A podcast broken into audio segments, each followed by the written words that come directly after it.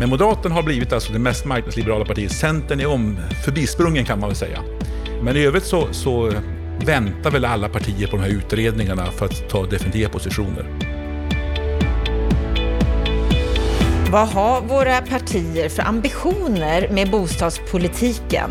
Moderaterna, marknadshyrornas parti, KD, småhusens vänner, Liberalerna, de utsatta bostadsområdenas förkämpe. Ja, så kan man karaktärisera de tre partier som under den senaste tiden har tagit tydliga steg i att utveckla och konkretisera sin bostadspolitik.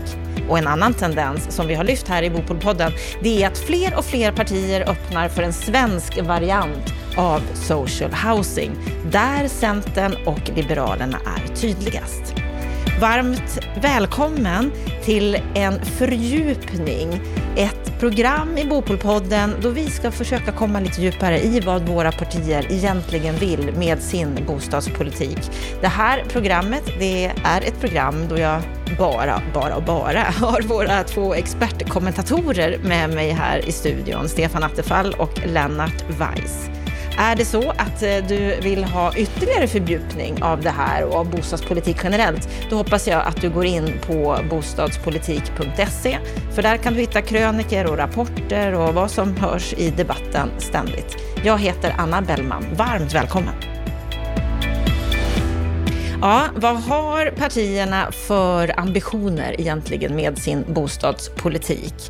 Stefan Attefall, du har gått igenom detta grundligt och verkligen försökt att hitta alla detaljer som de olika partierna tycker. Vad, vad skulle du säga generellt? Är bostadspolitiken högt upp på agendan?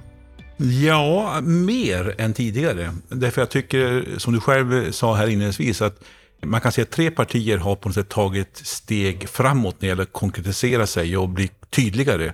Eh, och det är Moderaterna när det gäller hyressättningsfrågorna och det är Kristdemokraterna när det gäller småhus och eget ägande och det är Liberalerna när det gäller just eh, de utsatta bostadsområdena och eh, sociala dimensionen där. Och även hur man kan öka det egna ägandet i de här områdena. Där, där ser man att det har skett en utveckling.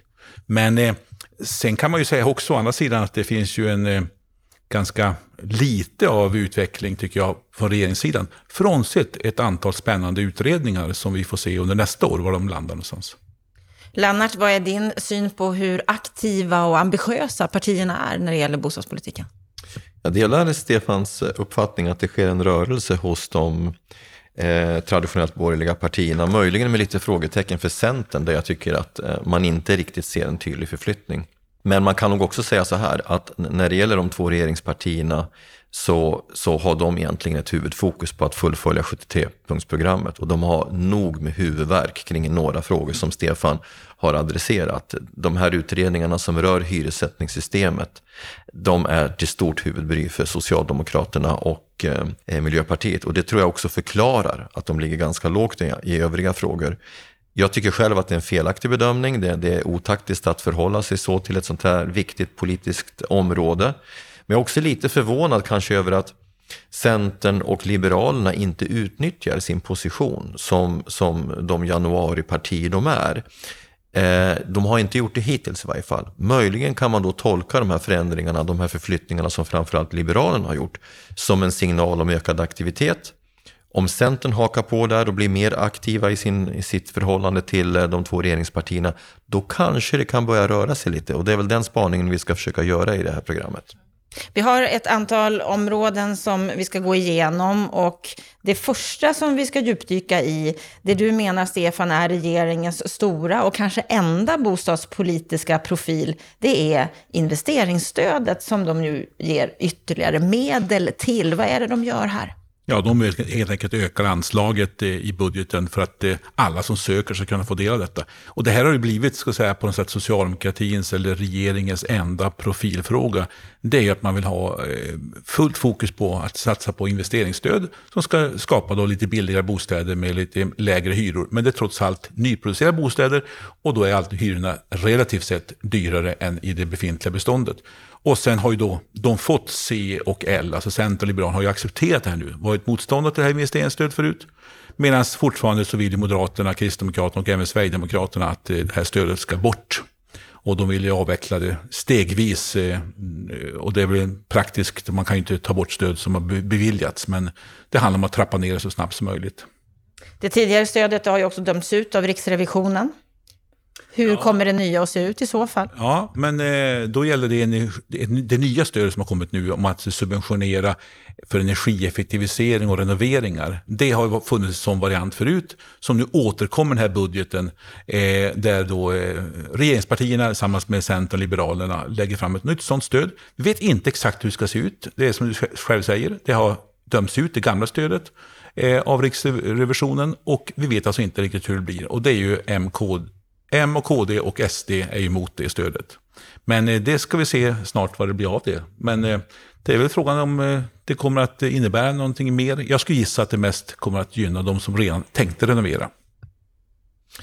Jag har inga särskilda synpunkter på det mer än att jag försöker tolka det djupare mönstret i vad som sker eh, från regeringspartiernas sida. Om du tar investeringsstödet så kan man ju säga att det, det, det har ju en historik. Det, första gången man införde det var i början på 2000-talet.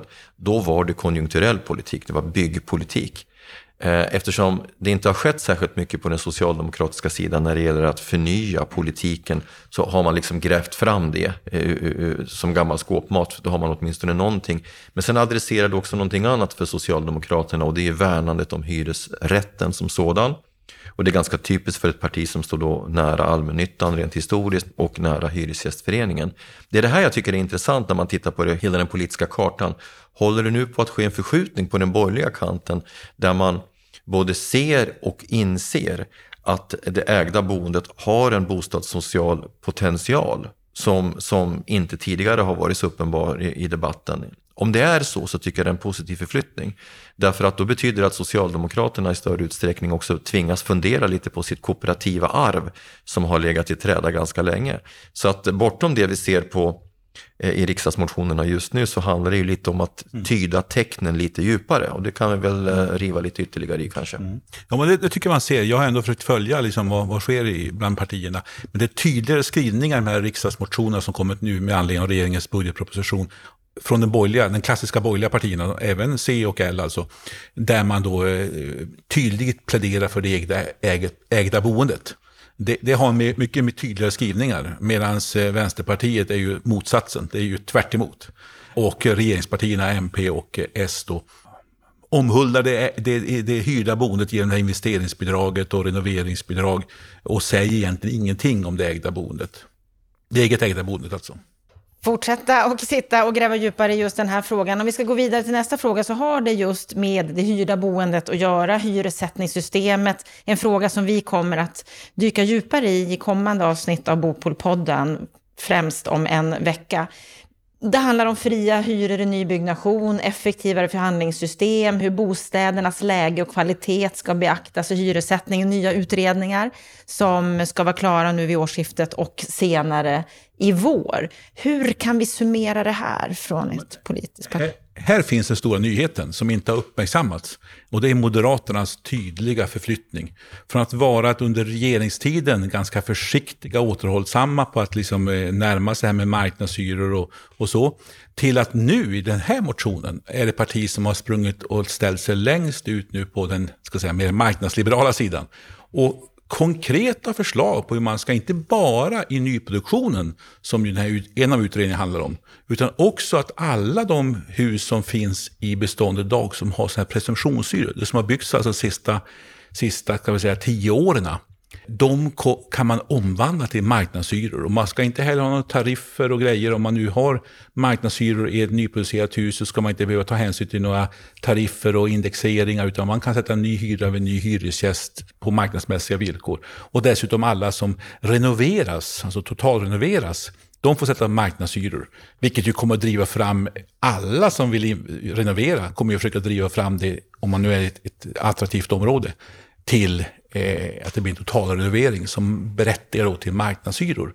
Alltså oerhört konkreta och radikala förslag i en svensk kontext.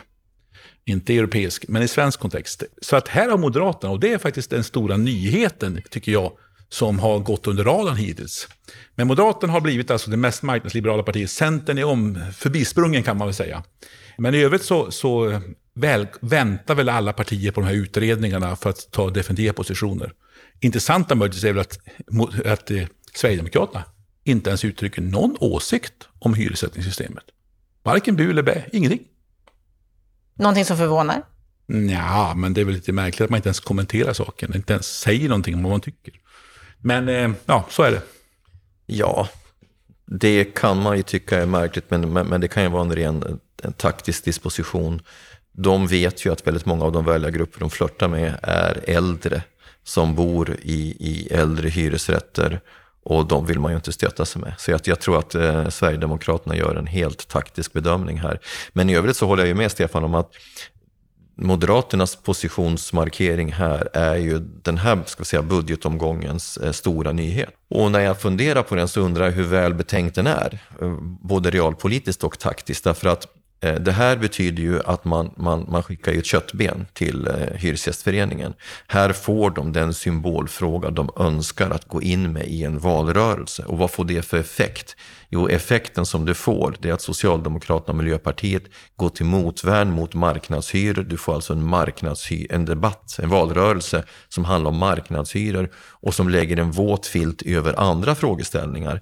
Hade jag suttit på den moderata sidan och varit taktiker, då hade jag struntat i den här frågan, låtit eh, egentligen hakat, hellre hakat på de borgerliga januaripartiernas eh, opinionsbildning kring de här tre utredningarna och istället positionerat mig som det ägda boendets parti.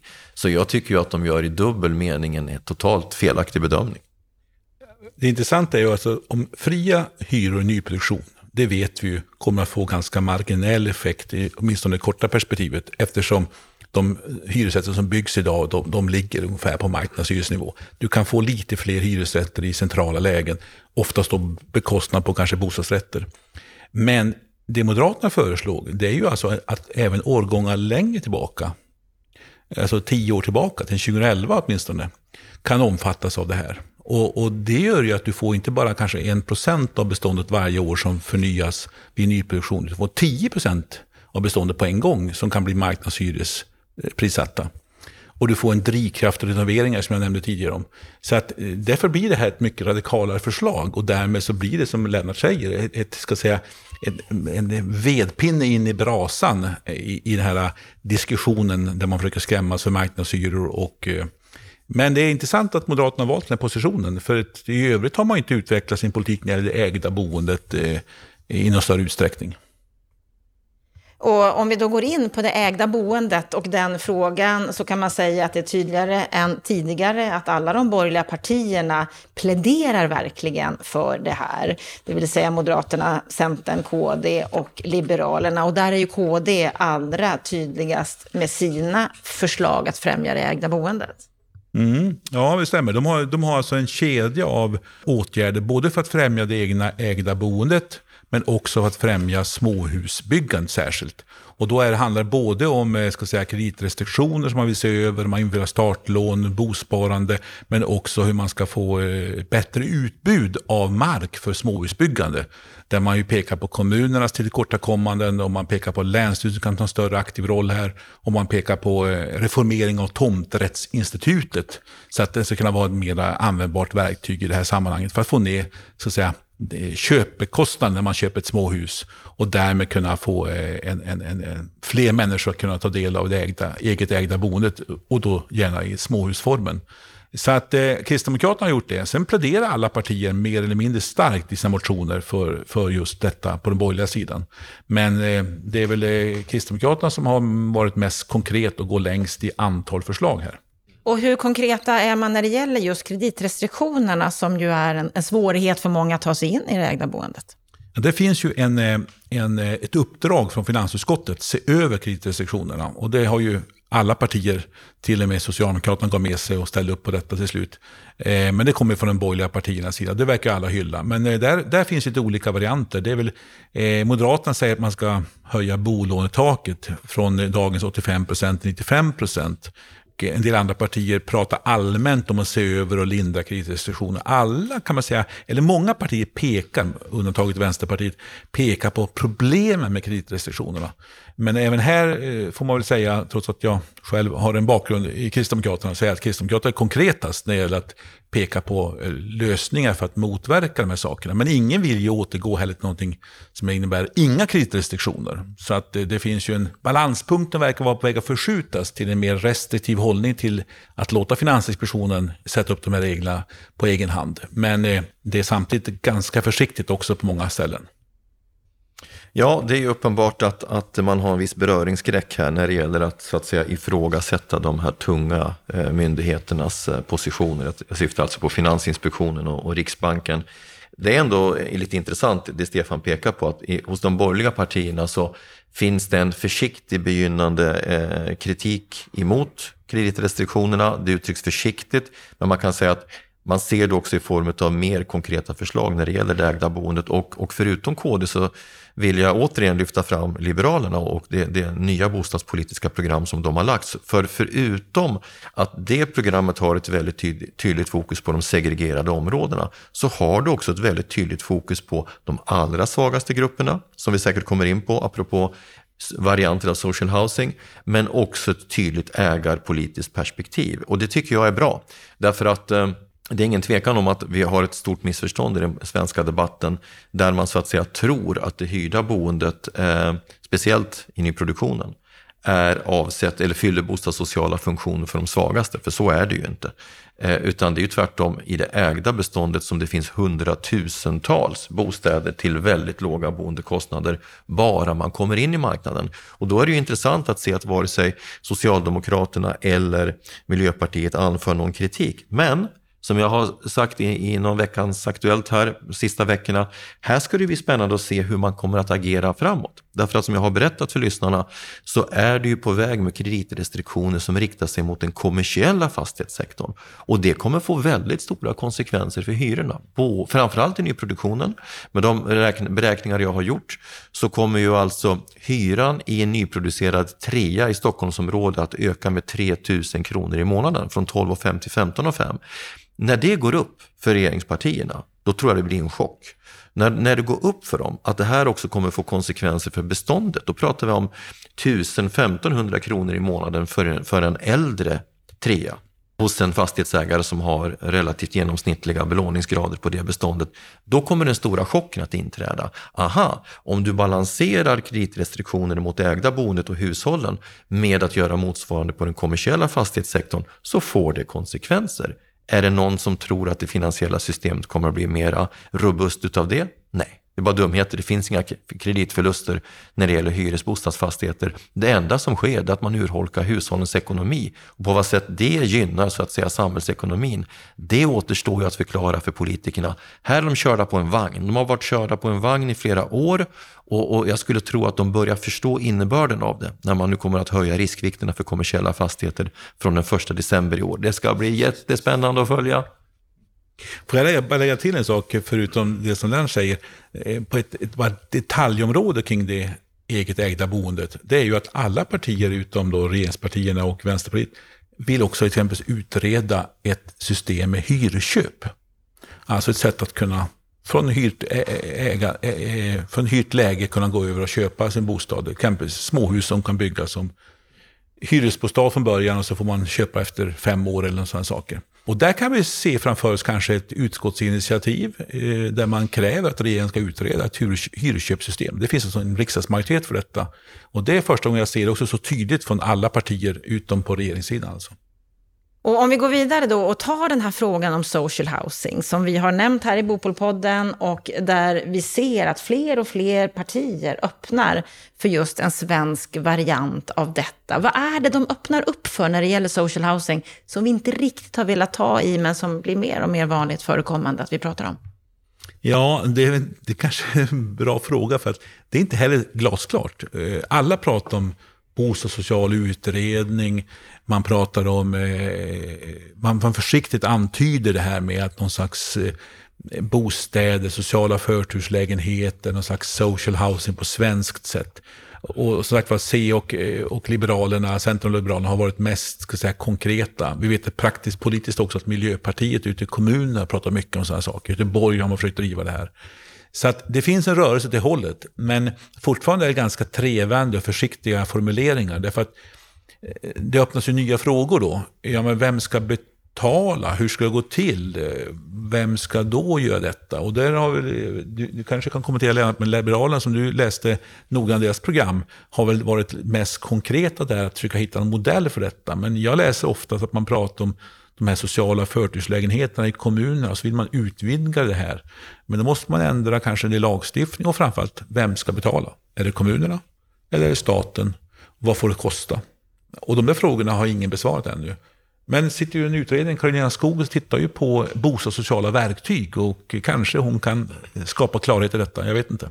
Ja, det ska bli väldigt spännande att se hur den här debatten kommer att fortsätta. Därför att man behöver ju inte vara politisk kremlolog för att se att det finns ett samband mellan de som förespråkar marknadshyror och eh, de förslag om social housing som kommer. De hänger ihop på det sättet att om man vill ha marknadspri, ökad marknadsprissättning i, i hyresbeståndet så kommer ju det att skapa sådana undanträngningseffekter att du måste skapa en större social bostadsmarknad. Då får du i praktiken en, en tudelad hyresmarknad, väldigt olik den vi har idag. Det vill säga du kommer att ha väldigt hög status på den marknadsprissatta delen av hyresmarknaden och den andra delen kommer att bli så att säga ett andra klassens boende. Hur det kan så att säga vara ett recept för att lösa förortens problem, det förstår inte jag. Jag tycker det är märklig politik. Här kan man ju nu spåra hur den här debatten tar sig framåt. Vi vet ganska väl vilka som driver både marknadshyror och social housing i någon sorts västeuropeisk eh, form. Vi ser att Miljöpartiet som väldigt ofta är påverkad av vad som händer eh, hos Die Grünen i Tyskland har länge så att säga antytt att de är för den typen av utveckling. Men skillnaden är ju att de borgerliga som förespråkar social housing i kombination med marknadshyror, de vill ju ha det i en, i en eh, lite annan form, kanske än vad Miljöpartiet förordar. De borgerliga förordar ju att man ombildar konverterar en stor del av dagens allmännyttans bestånd till social housing. Det tror inte jag att Miljöpartiet är positiva till, utan de vill nog helt enkelt skapa en tredje hyressektor med, med statliga subventioner. Men, men så snart de börjar räkna på det så kommer de att inse att det här är svårt. Vad är det då som är intressant i det här tycker jag? Jo, det är att Liberalerna går fram med någonting som till form och innehåll liknar en idé som jag vet att Johan Löfstrand på den socialdemokratiska sidan har vurmat för. Någon sorts förlängning av de sociala kontrakten som finns hos kommunerna idag.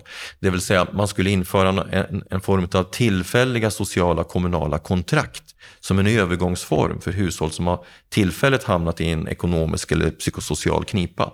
Och då kan man tänka sig tanken att där, där, där, att, att man kan inrätta en sån form med statligt stöd och Liberalerna föreslår att en sån ny variant av eh, social housing skulle kunna införas under en tidsperiod av fem år. Johan Lövstrand, han förordar samma system under en tidsram av två år. Och då kan man tänka sig så här att antingen tippar den här debatten i den riktning som Moderaterna, fastighetsägarna och en del akademiska experter uppenbarligen önskar. Eller så tippar åt, åt det andra hållet, åt det håll som Liberalerna och delar av socialdemokratin är öppna för. Så det här ska bli spännande att se. Det som Stefan inledde med att social housing, det är inte svart eller vitt. Det finns på en gråskala med olika tolkningar. Och att Liberalerna gav sig in i den här debatten med ett eget förslag, det ändrar lite av dynamiken i den här debatten. Det tycker jag är kolossalt intressant. Man kan komma ihåg att det finns ungefär 25 000 lägenheter ute i kommunerna som kallas sociala förturer, som kommunerna betalar via socialtjänstbudgeten. Ungefär 5 miljarder lägger kommunerna på detta. Fördubblar man det så kostar det 10 miljarder. Ska kommunsektorn betala detta? Ska staten betala? Det, är, det är pengar det handlar om också. Så att det, men det är som, som Lennart säger, vart tar det väg? Det kan ta så många olika uttryck och det vet vi inte riktigt. Ingen är riktigt tydlig heller från partiernas sida. Men, men eh, att de inte är tydliga, det tror jag beror på att de politiska partierna har idag inte någon ska säga, mer genomtänkt analys av hur de vill att bostadsmarknaden ska fungera. Vi vet att vi behöver en bostadsmarknad med snabbt tillgängliga bostäder för arbetsmarknaden. Hur ska du klara av det med den typen av hyressystem du har idag? Det är en invändning som jag själv gnag, eh, funderar en del på eftersom jag ju då inte är förespråkare för marknadshyror. Men, men vi som har den här åsikten har ju en blind fläck där. För det behövs ju företagsbostäder av någon sorts av, av någon variant va, som, som inte bostadsmarknaden kan erbjuda idag. Du har den bostadssociala utmaningen, du har förhållanden mellan det ägda och det hyrda. Du har frågan om, om hela kapitalallokeringen till den här branschen där, där vissa tror att man kan lösa de stora breda bostadsproblemen utan att ta hushållens egna tillgångar i anspråk. Fullständigt omöjligt. Eller där det finns de som tror att man kan adressera jämlikhetspolitiska ambitioner genom att föreslå mer utav hyresrätt. När alla vet att, att i, en, i en låginflations, i en lågränteekonomi så kommer realvärden att stiga Eh, så att säga. Och den utvecklingen kommer vi ha under ett antal år framåt. Så, så, så tränger man nu bort svaga hushåll från den ägda marknaden, då förstärker man förmögenhetsklyftorna istället för att minska dem. Man försöker säga det att det, det, är ingen som gör den här samlade analysen och därför så blir det än så länge ett lapptäcke. Men man kan, ska man vara optimist så kan man kanske tänka så här att vi är i ett normativt skede då man börjar tänka nya tankar. Och kanske är det här som vi spårar i de här motionerna ett embryo till det. Det vet vi inte än, men vi kan hoppas på det. Vi kan hoppas och vi kommer definitivt att följa debatten och se vad som utvecklas i det här området. En annan del när det gäller bostadspolitiken och där vi hoppas att det sker saker och ting, där många hoppas att det sker någonting, det är förenkling av regelverken i olika former. Det här är det ju många som, som efterlyser och vi ser en del olika beredningar, utredningar, modernare byggregler exempelvis, som vi pratade om här i början på året. Kommer det bli några förenklade regelverk? Ja, men det verkar ju alla partier vilja ha det. Va? Det, det, det är intressant att se hur, hur, stort det är i alla partiers resonemang i motionerna och, och sådana saker, och även regeringen. Och den här utredningen Modernare byggregler som ju blev eh, klar, remissinstanserna har lämnat sina yttranden, nu ska det beredas i regeringskansliet. Och, och det blir intressant att se vad som kommer ut av detta under 2021. Sen vet vi också att det tittas på strandskyddet. Det blir klart strax före jul nu, 20 november om jag kommer ihåg rätt. Och sen har vi också en översyn av riksintressena. Och alla de här sakerna ska koka ner i de konkreta förslagen. Och där hoppas jag ju på förändringar och rejäla tag. Men vi ska veta att det finns oerhört mycket motståndsfickor också. Av både särintressen men också byråkratin som eh, säger emot. Det intressanta var ju Boverkets remissvar på eh, moderna byggregler-utredningen. Det var alltså sågning både av juridisk och sakkaraktär. Eh, och man märkte att det var inte bara konstruktiva mm, remissvaret där man försökte säga att gör så här istället, utan det var bort med detta. Så att eh, jag, är, jag gissar att regeringskansliet har en ganska tuff uppgift att försöka hitta eh, vägar framåt här. Men sagt var, strandskyddet hoppas jag att man vågar ta radikala grepp i, i utredningen och även i regeringens behandling av den utredningen. Men eh, jag är inte så optimistisk. Jag vet hur jobbigt varje regelförändring är att göra. Att du ska lotsa igenom hela systemet och sen till riksdagen för beslut. Men sagt var, det, där är ändå rörelsen åt rätt håll och det, det tycker jag är positivt. Från branschen kan jag bara säga att den absolut viktigaste frågan för oss det är, det är detta med typgodkännande utav, eh, av standardiserade eh, hus. Det är den viktigaste frågan så att vi på allvar kan börja industrialisera. Där är det viktigt att politik klarar av att bryta ner kommunernas möjligheter att, att eh, lägga egna regler och, och, och ramar för byggandet. Och där skulle du ha läst Boverkets remissyttrande. Då hade du fått eh, knotter. Om vi går vidare, vi har ett par punkter till som vi vill prata om när det gäller partiernas ambitioner framåt. Och bland annat är det det här med hur hjälper vi människor att komma in på bostadsmarknaden? Hur hjälper vi dem att ha råd med sitt boende? Och där ser vi det här med höjda bostadsbidrag, införa startlån. Många efterlyser ju den norska modellen, att vi ska använda det. Men eh, det är bara KD som vill höja bostadsbidragen. Ja, ehm, de har siffersatt det och eh, lagt konkreta förslag. SD ehm, pratar också om detta, men är inte lika konkret. Eh, I övrigt, liten justering har gjorts av bostadsbidragen av regeringen också, men det var eh, ganska marginellt. Men här finns det lite av engagemang upplever jag. Startlån är också bara Kristdemokraterna som föreslår en konkret modell för. Sen finns en del som vill utreda de här sakerna och man pratar allmänt om det hela. Men det är lite konkretion på de här sätten att komma in på bostadsmarknaden. hyrköp är väl det som då är då det kanske intressantaste eh, exemplet på en samstämmighet.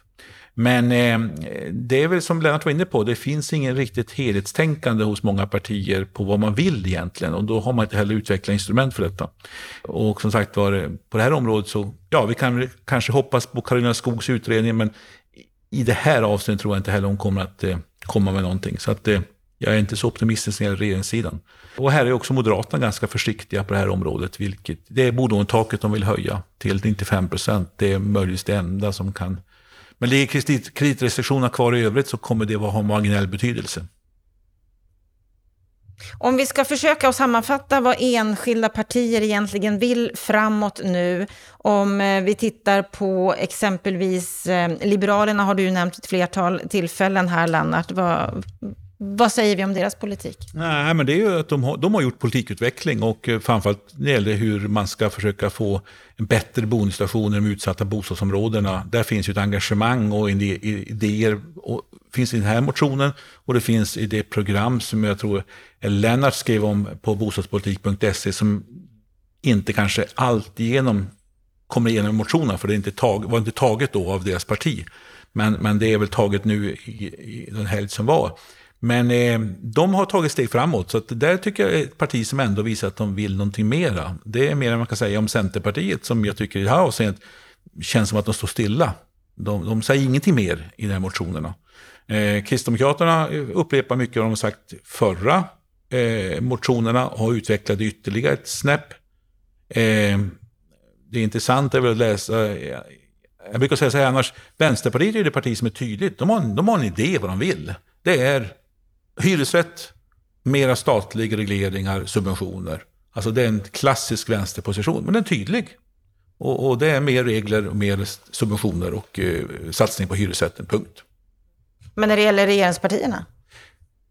Ja, alltså det är ju, det, det är som sagt var, det är som Lennart inledde med att säga, det är januariavtalet man bevakar och så har man utredningar som jobbar och i övrigt så verkar inte idérikedom vara så stor. Undantagsvis den här utredningen som Karolina Skog har om bostadssociala verktyg. Mm, men jag vet inte, jag tror att Miljöpartiet hoppas mycket på den utredningen. Sen vet jag inte vad den kommer att leda till. SD däremot är ju intressant att, att följa, för det är ju ett parti som ändå man kan räkna med att få större inflytande i svensk politik i kraft av sin storlek och, och med tanke på det regeringsspel eh, som kan komma. Men eh, de, är ju, alltså de gör ju in, invandringen till stora problemet med bostadsbristen och sen handlar mycket deras motioner om att hur gör man hur, hur, hur ifrågasätter man och försvårar man för att hjälpa nyanlända att komma in på bostadsmarknaden? Alltså, eh, det är ungefär det de håller på med. Plus att de sen eh, har ett antal resonemang. Men de säger ingenting om hyressättningssystemet, ingenting om många stora frågor. Så att eh, det kan man säga i bästa fall är något eh, eh ofullständig bostadspolitik. Och eh, där tycker man ju att ett parti som är så pass stort borde orka och eh, kunna göra mer. Men eh, det finns mycket att önska där. Så om vi ska sammanfatta, Lennart, vad, vad, hur sammanfattar vi partiernas ambitioner? Ja, hur sammanfattar man? Det, det, det sker vissa rörelser på den borgerliga kanten, det är det mest intressanta. Moderaterna, som eh, Moderaternas utveckling av hyrespolitiken som Stefan har pekat på, Liberalernas det, det syns förvisso inte då i den ekonomisk-politiska motionen här, men, men, eh, där har det skett en stor förflyttning. Men det som Stefan säger, det är förvånansvärt eh, stor passivitet tycker jag från Centerpartiet. Det är jag lite besviken på. Och när det gäller regeringspartierna så tror jag att eh, deras passivitet kommer att straffa sig. Nu har Miljöpartiet genuint dåliga opinionssiffror. Socialdemokraternas ligger nu under två procentenheter under det man betraktade som ett närmast katastrofalt valresultat. Om siffrorna börjar krypa under 25 procent, vilket jag eh, tror är en, att, det råder en, att det finns en stor sannolikhet för, då kommer det utbryta en, en, en eh, inre oro.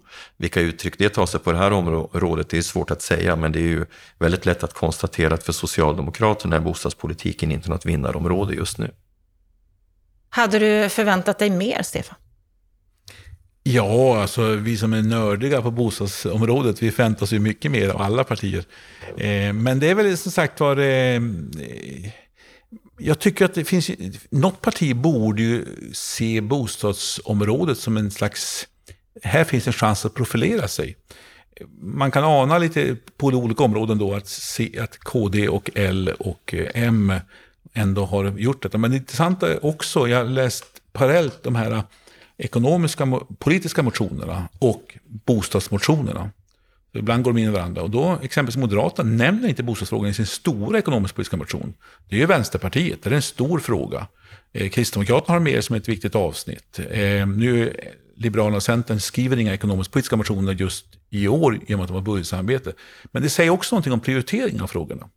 Men eh, jag tycker att eh, det här är väl intressant att, att det sker så pass lite, men det är ändå en rörelse på gång. Och som sagt var, eh, får fler oppositionspartier eh, upp ändan ur vagnen, då kommer det också bli svårare för regeringen att vara så passiv som är. Det intressanta är också att bostadsminister Per Bolund verkar ju fokusera på sitt uppdrag som språkrör och klimat och miljöfrågorna. Det finns en intern strategi hos Miljöpartiet. Det är miljöfrågorna, miljöfrågorna, miljöfrågorna. Och då sjunker hans bostadsministerpost liksom undan i den, det sammanhanget. Det är bara när han får inviga ett nytt trähusbygge eller prata klimatomställning som han engagerar sig i bostadspolitiska frågor. Och det är lite tråkigt, för att eh, området kräver lite mer engagemang även på en ministernivå. Kan det ha avgörande betydelse för att det är för lite rörelse, även om det är en viss rörelse framåt, att det är för lite rörelse, att inte vår bostadsminister engagerar sig mer? Ja, vi självklart, självklart påverkar det. Självklart påverkar det. Men eh, det måste också upp på högsta partiledningsnivå i alla partier. Och, och där har ju alla partier en läxa kvar att göra. Så denna fråga, bostadsfrågan, som ju är avgörande för att så många delar i vårt samhälle ska fungera, inte tillräckligt högt upp på agendan för att det ska ge det utslag som bostadsnördar som Stefan Attefall och Lennart Weiss hade önskat sig. Vi på Bopolpodden, vi fortsätter att granska, analysera och följa. Då har vi hört våra expertkommentatorer Stefan Attefall och Lennart Weiss analysera partiernas ambitioner just nu. Nu ska vi gå vidare i Bopolpodden och få en repris av veckans Aktuellt som sändes i fredags.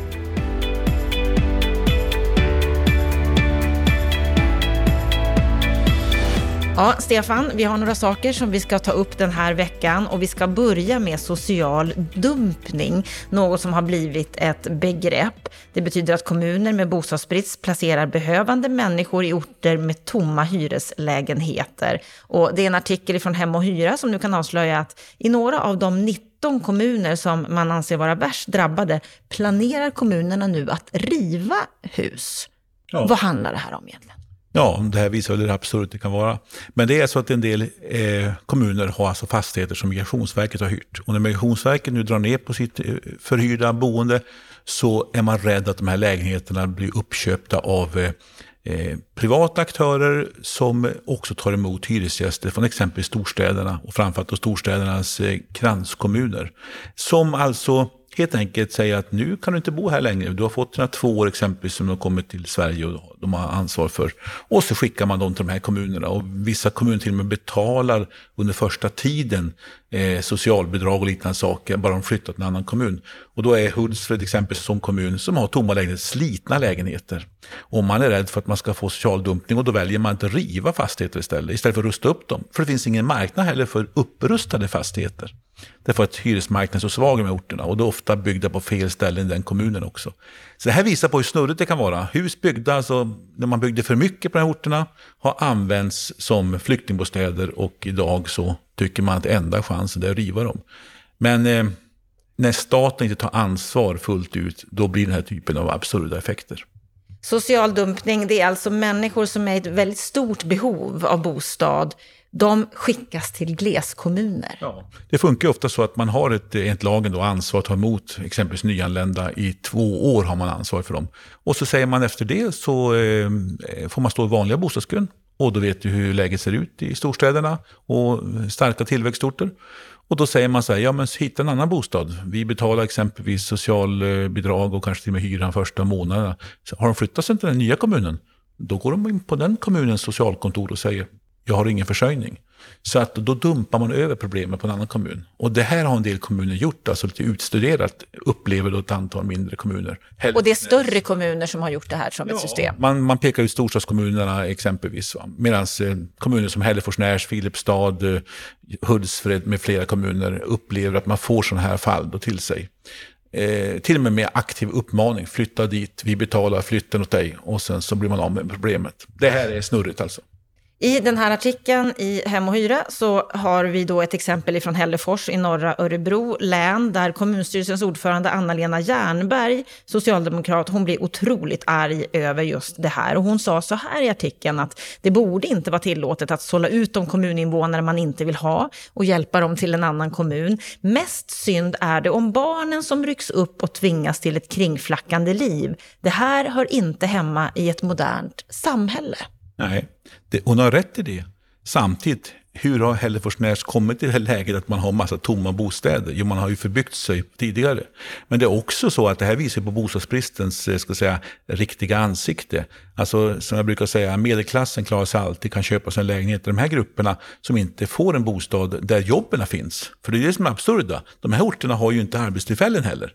Så att de borde vara kvar i de här storstadsområdena och få jobb, men få en vettig bostad. Men hur ska vi lösa det här? Hur ska vi komma till rätta med social dumpning? Nej, men det, du måste ha en bostadspolitik som gör att du erbjuder människor bostäder. Det är ingenting du löser på en, en kafferast. Men eh, just de här bostäderna som är så nedgångna också efter att Migrationsverket har haft dem i flera år, så är det så stora upprustningsbehov också. Och då finns ju inte köpkraften heller med orterna. Eh, bland annat på grund av bostadsbidragsreglerna är urholkade också. Så att det är bristen på helhetssyn och då blir den här typen av yttringar. Det här är bara ett exempel på hur snett det blir när vi inte har skött bostadspolitiken tillräckligt bra. Och det är ju många regeringar skyldiga till och där har vi många ansvar för att vi ska gjort mer. En annan del av bostadsbranschen, av bostadspolitiken som borde fungera bättre, det är tio debattörer som i en debattartikel i Svenska Dagbladet i veckan pratar om behovet av fler senior och äldreboenden. Och de börjar sin artikel så här. Varannan senior vill flytta, men vart? När rimliga funktionsanpassade och prisvärda alternativ saknas så fastnar allt fler äldre i sina hem. Det behövs fler olika bostadslösningar, skriver de. Mm. Vad handlar det här om? Ja, det är ju enkelt så att de ser ju att vi behöver få fler de här boendena mellan ska säga, det boende man har idag och innan man kanske behöver ett särskilt boende. Och då vet vi att det finns trygghetsboenden och de här pläderar också för seniorboenden som är kanske ett flummigare begrepp. Vad är egentligen det? Eh, är man över 55 år så vill man kanske inte flytta till särskilda bostäder för, för äldre personer, säger jag som är 60. Eh, men de pekar ju på det, det viktiga. 70 procent av 60-åringarna äger sin bostad. Och för att de ska lämna den bostaden så måste de flytta till något som är bättre. Och då måste man hitta boendeformer som är mer anpassade. Och där behöver vi utveckla exempelvis trygghetsboenden. Eh, men också andra former av boenden som blir attraktiva så att man väljer att flytta från den stora villan. Eh, sen har de det konkreta förslag i den här artikeln också som jag kanske tycker är lite överdrivna en del om särskild lagstiftning för man ska ordna boende för människor som är plus 55. Ja, men ungdomar måste ju också i så fall ha en lagstiftning kring och då har man lagstiftning för alla till slut. Eh, de tycker man ska ta bort reavinstskatten. Nu har vi avskaffat uppskovsavgiften. Jag ser inte anledning att ta bort reavinstskatten, men att man ska ha ett uppskov tills man lämnar det, det, det ska säga, ägda boendet. Det är väl rimligt och det, det är väl en bra eh, möjlighet som öppnar sig. Men framförallt måste kommunerna ha en bostadsplanering som bygger på att skapa de här kedjorna av olika boendeformer. Och här finns det mycket att göra mer på kommunal nivå. Men självklart också produktutveckling hos bostadsföretagen. Så för att eh, det ska bli någon ändring, du ser ingen lagändring, men att kommunerna borde ta ett större ansvar? Nej, jag tycker att det finns en utveckling på gång. Det finns också ett lagförslag, som inte har, eller ett förslag i regeringen som ännu inte har blivit lagförslag om ett mellanboende som är lite mer avancerat trygghetsboende, men innan det blir riktigt särskilt boende för de riktigt sjuka. Alla de här formerna behöver utvecklas, så man hittar många steg på vägen. Eh, men framförallt måste man hitta attraktiva miljöer för folk att sälja sitt hus och flytta till. Och, och, då måste man se till att inte kreditrestriktioner eller skatteregler förhindrar detta. Och här behöver man göra mera, men jag skulle säga att det är inte så att man löser det med någon enkel sak. Men har du ett attraktivt boende, för exempel sen som är 70-årsåldern, så vill man gärna lämna sitt hus. Det är jobbigt att sköta om ett hus, men man vill flytta till något som är bra då och inte hamna i en dyr bostadsrätt med kanske eh, dåliga tillgänglighetskrav.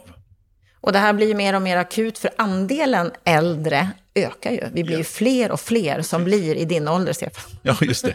Nej, men alltså, vi vet att äldre äldre, alltså som är plus 85, de ökar dramatiskt närmaste åren. Och där vet vi att där är också behovet av omsorg högre. Man behöver mer av hemtjänst och man behöver också småningom kanske också särskilt boende. Men man behöver också någonting mittemellan. Och som sagt vi vet av olika studier att det är kommunalekonomisk vinst om man kan ha exempelvis trygghetsboende som man skjuter upp dagen man behöver ett särskilt boende. Det är alltså ren kommunalekonomisk vinst. Och en del kommuner har ju löst det med att man subventionerar eller betalar helt och hållet trygghetsvärdar som ordnar aktiviteter och, och, och, och skapar trivsel på sådana här vanliga hyresbostäder med samlingslokal och liknande saker. Och det finns ju visst statsbidrag för det också och det kanske man kan förstärka ytterligare för den typen av bostäder. Så vi behöver göra mer eh, och här kan kommunerna spela en mer aktiv roll än vad de gör idag också. Det tredje området som vi ska ta upp här i veckans Aktuellt, det är en artikel från Byggföretagen, deras senaste byggprognos. Den inleds med att byggmarknaden knaga, knakar i fogarna som rubrik. Och de menar så här att sysselsättningen inom bygg och anläggningsindustrin den minskar med 8 000 personer mellan år 2019 och 2021. Det visar deras nya konjunkturprognos. Och då säger Katarina Elmsäter-Svärd, som är vd för Byggföretagen, så här. Fler företag konkurrerar om färre jobb, även om vår bransch inte drabbades lika hårt som många andra i början av coronakrisen. Ja, vad säger du Stefan? Byggmarknaden, knakar den i fogarna? Nej, det där är överdrifter. Man kan säga att byggsektorn har klarat sig relativt väl under den här krisen. Men visst det finns det nedgång, särskilt på viss typ av byggande. Bostadsbyggandet står ju uppe ganska bra, eh, håller ställningen ganska bra. Eh, likaså eh, offentliga investeringar och liknande saker. Men det finns en del annat byggande, kommersiella lokaler som har nedgång och så. Men jag skulle säga så här att deras prognos också när det gäller bostäder det är att man ska landa på 47 000 bostäder 2020. Det är till och med något högre än Boverkets senaste prognos. De uppreviderar också sitt lite grann. Så att bostadsbyggandet ser ut att stanna på en liten halvdan nivå. Jämfört med behoven så är det för lågt. Men jämfört med vad man befarade för ett tag sedan så ser det hyfsat bra ut. Eh, men det är väl som Carina Elmsäter-Svärd sa, eh, som är byggföretagens vd, sa i, i, en kommentar till just den delen, att det är bättre än befarat men sämre än vad som skulle behövas. Men det, är, det intressanta är också vilken typ av byggande av bostäder sker nu. Jo, det är hyresrätten står stabilt på en ganska hyfsat bra nivå, medan det ägda boendet har minskat och framförallt småhusbyggandet har minskat. Sen 2017 tror jag den gått ner med 30 procent. Och vi ser också stigande priser nu på eh, småhusbranschen och vi vet att det finns stor efterfrågan i olika undersökningar. Eh, så här ser vi att det finns ett systemfel. Varför är det just småhusen som minskar så mycket medan eh, hyresrättsbyggandet, bland kanske tack vare investeringsbidragen, hålls uppe på nivå. Men det kompenserar alltså inte fallet på det ägda boendet. Så läget är inte helt galet, om vi får säga så. Det knakar inte riktigt i fogarna, även om det inte är riktigt så bra som vi skulle önska. Det är lite överdrivet, men eh, det ser snarare ut som att det har landat lite bättre än vad man befarade. Men frågan är vad som händer framöver. Men framförallt behöver vi ha ett högre byggande långsiktigt om vi ska möta de behoven och befolkningsökningen. Det var Bopolpodden för den här veckan. Nästa vecka då kommer vi att börja vår serie om hyressättningssystemet. Det här systemet som är så krångligt att inte ens lagstiftarna förstår sig på det. Och vi ska få träffa forskaren Haimanot Baheru och höra hennes kritik. Fram till dess så hoppas jag att du får en riktigt, riktigt skön vecka.